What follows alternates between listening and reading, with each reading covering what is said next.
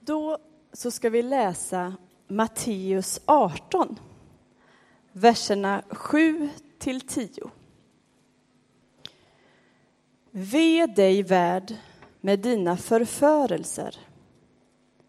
Förförelserna måste ju komma, men ve den människa genom vilken det kommer. Om din hand eller din fot förleder dig, så hugg av den och kasta den ifrån dig. Det är bättre för dig att gå in i livet stympad eller ofärdig än att kastas i den eviga elden med händer och fötter i behåll. Om ditt öga förleder dig, så riv ut det och kasta det ifrån dig. Det är bättre för dig att gå in i livet enögd än att kastas i helvetets eld med båda ögonen i behåll. Se till att ni inte föraktar någon enda av dessa små. Jag säger er att deras änglar i himmelen alltid ser min himmelske faders ansikte. Så lyder det heliga evangeliet. Lovad vare du, Kristus. Efter att flyglarmet har gått i Aleppo och bomberna har slagit ner så söker de vita hjälmarna efter överlevande bland ruinerna.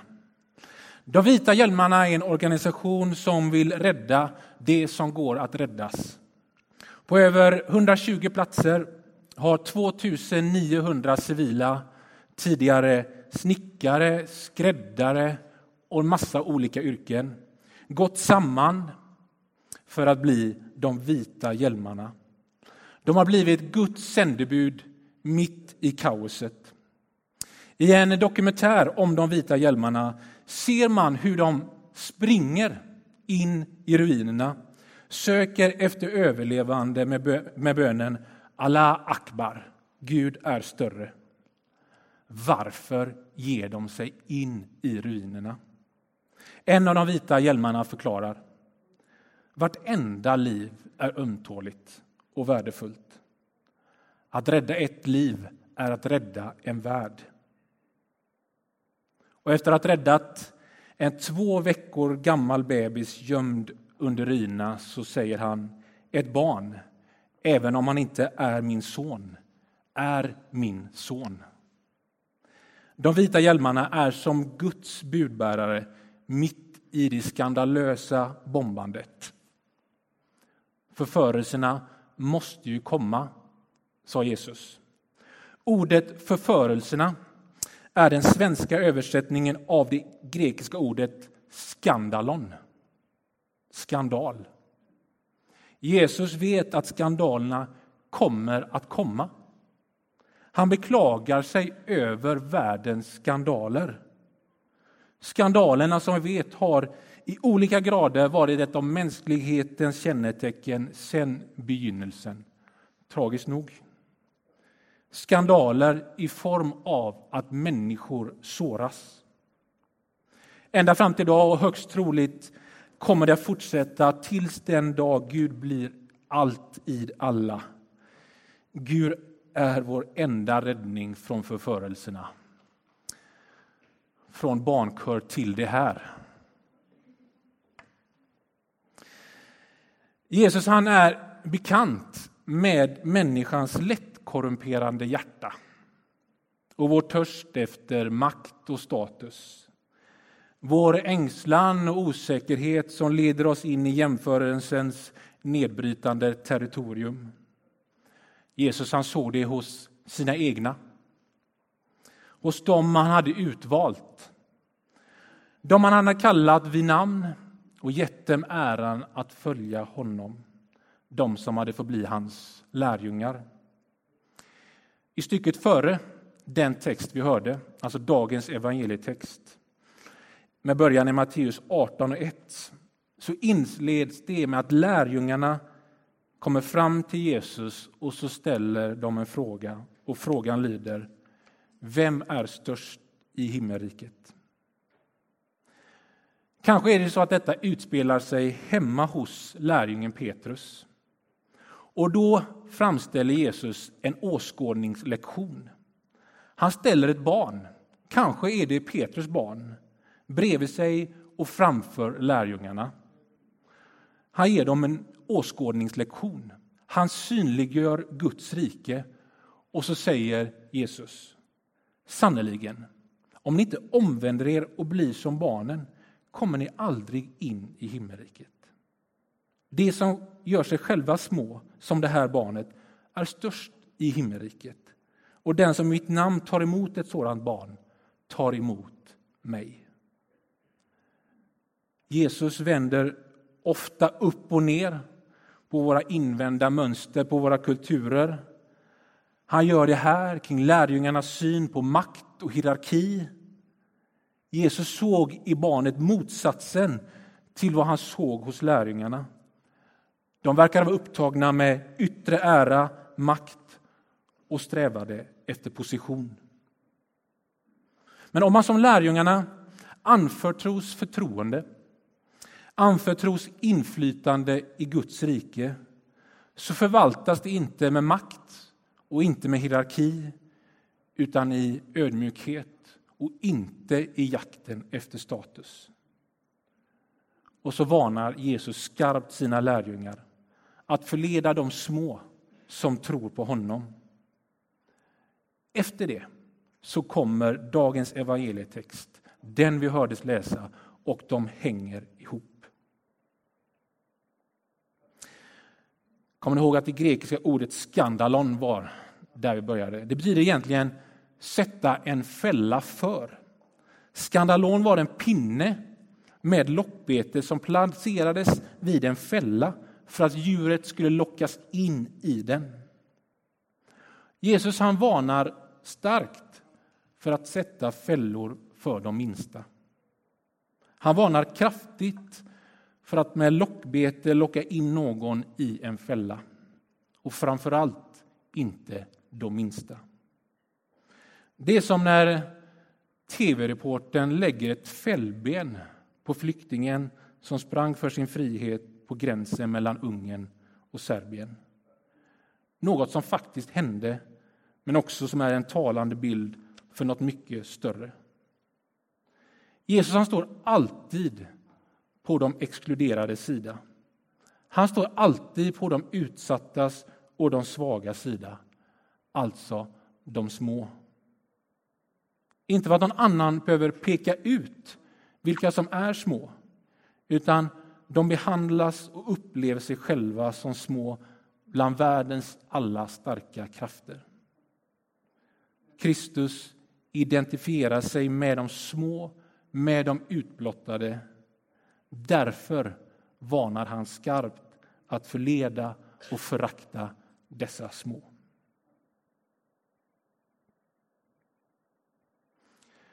Jag tror att vi alla kan bli behandlade som de minsta och uppleva oss små beroende på vilken situation vi befinner oss i. Och Många av oss här inne har säkert den upplevelsen.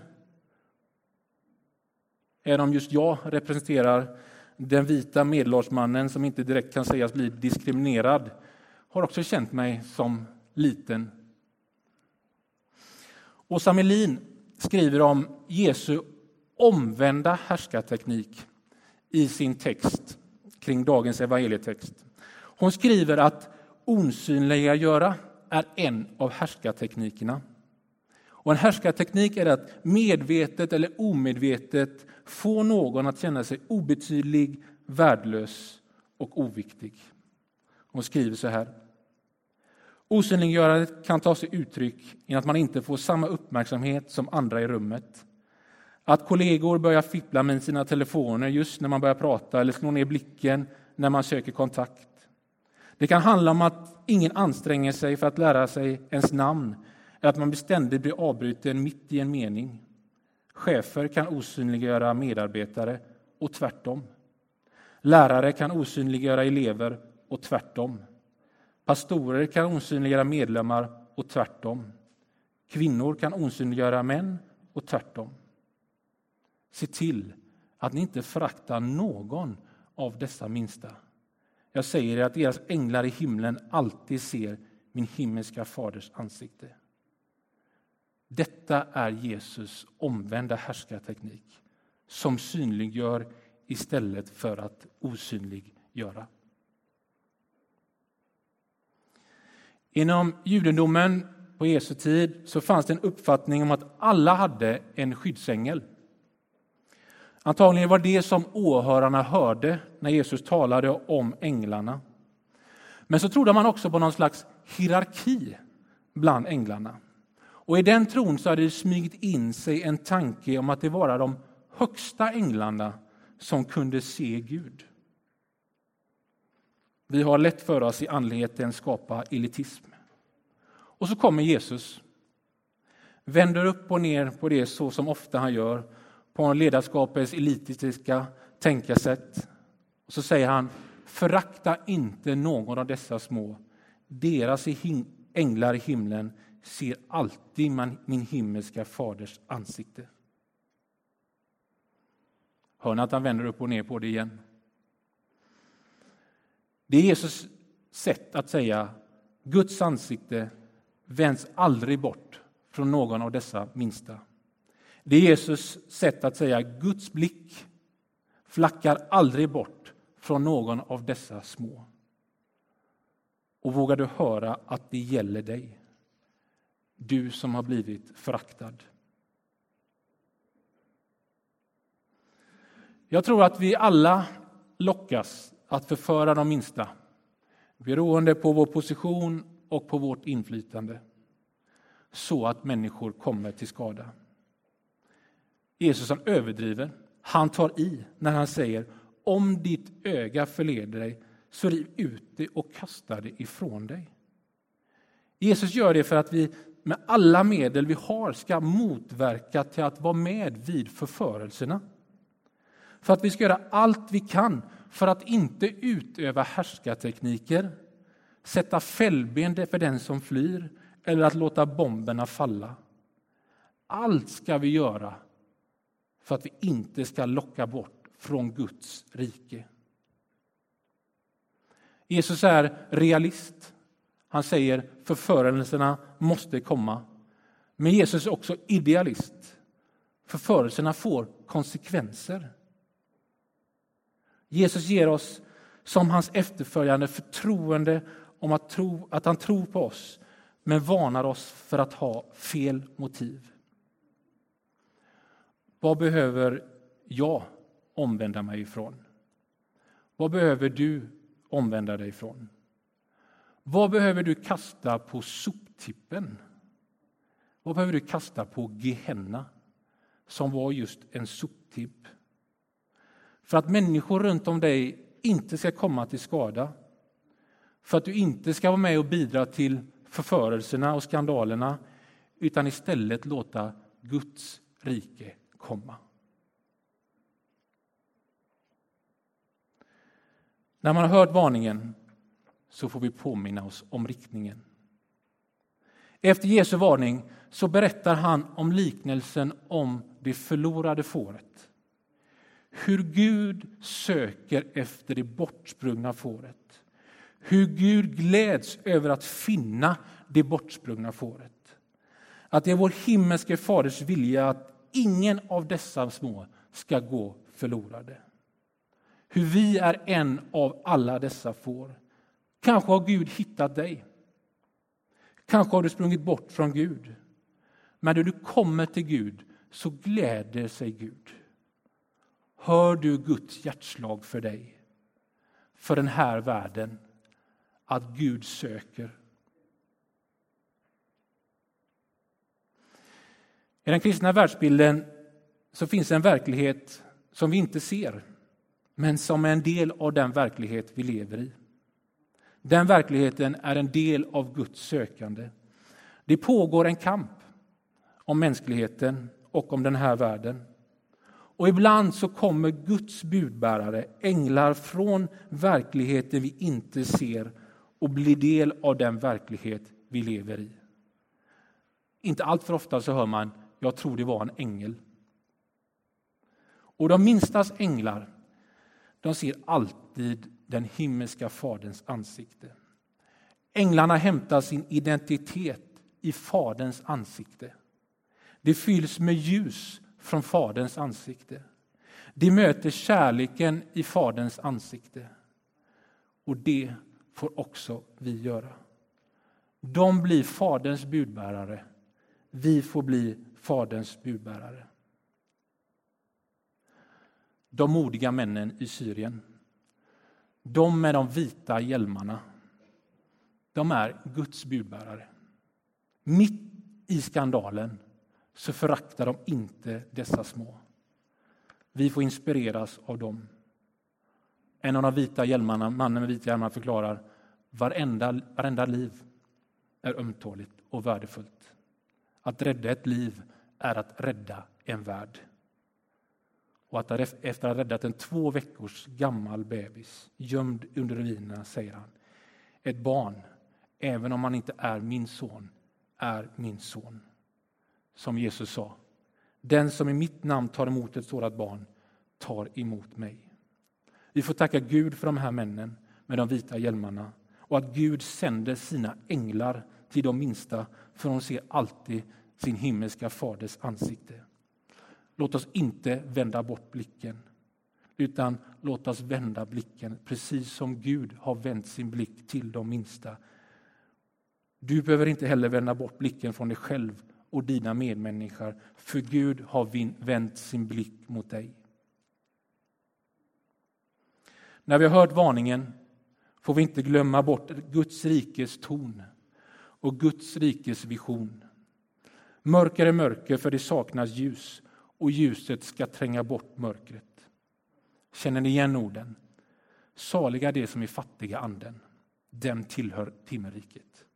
Saliga de som sörjer, de ska bli tröstade. Saliga de ödmjuka, de ska ärva landet. Saliga de som hungrar och törstar efter rättfärdigheten, de ska bli mättade. Saliga de barmhärtiga, de ska böta barmhärtighet. Saliga de renhjärtade, de ska se Gud. Saliga de som håller fred, de ska kallas Guds söner. Saliga de som förföljs för rättfärdighetens skull, dem tillhör himmelriket. Hör du tonen av Guds ton för dig? Och ser du Guds vision för världen? Vi får be med i den tonen och försöka förkroppsliga den visionen. Herre, förbarma dig över oss. Amen.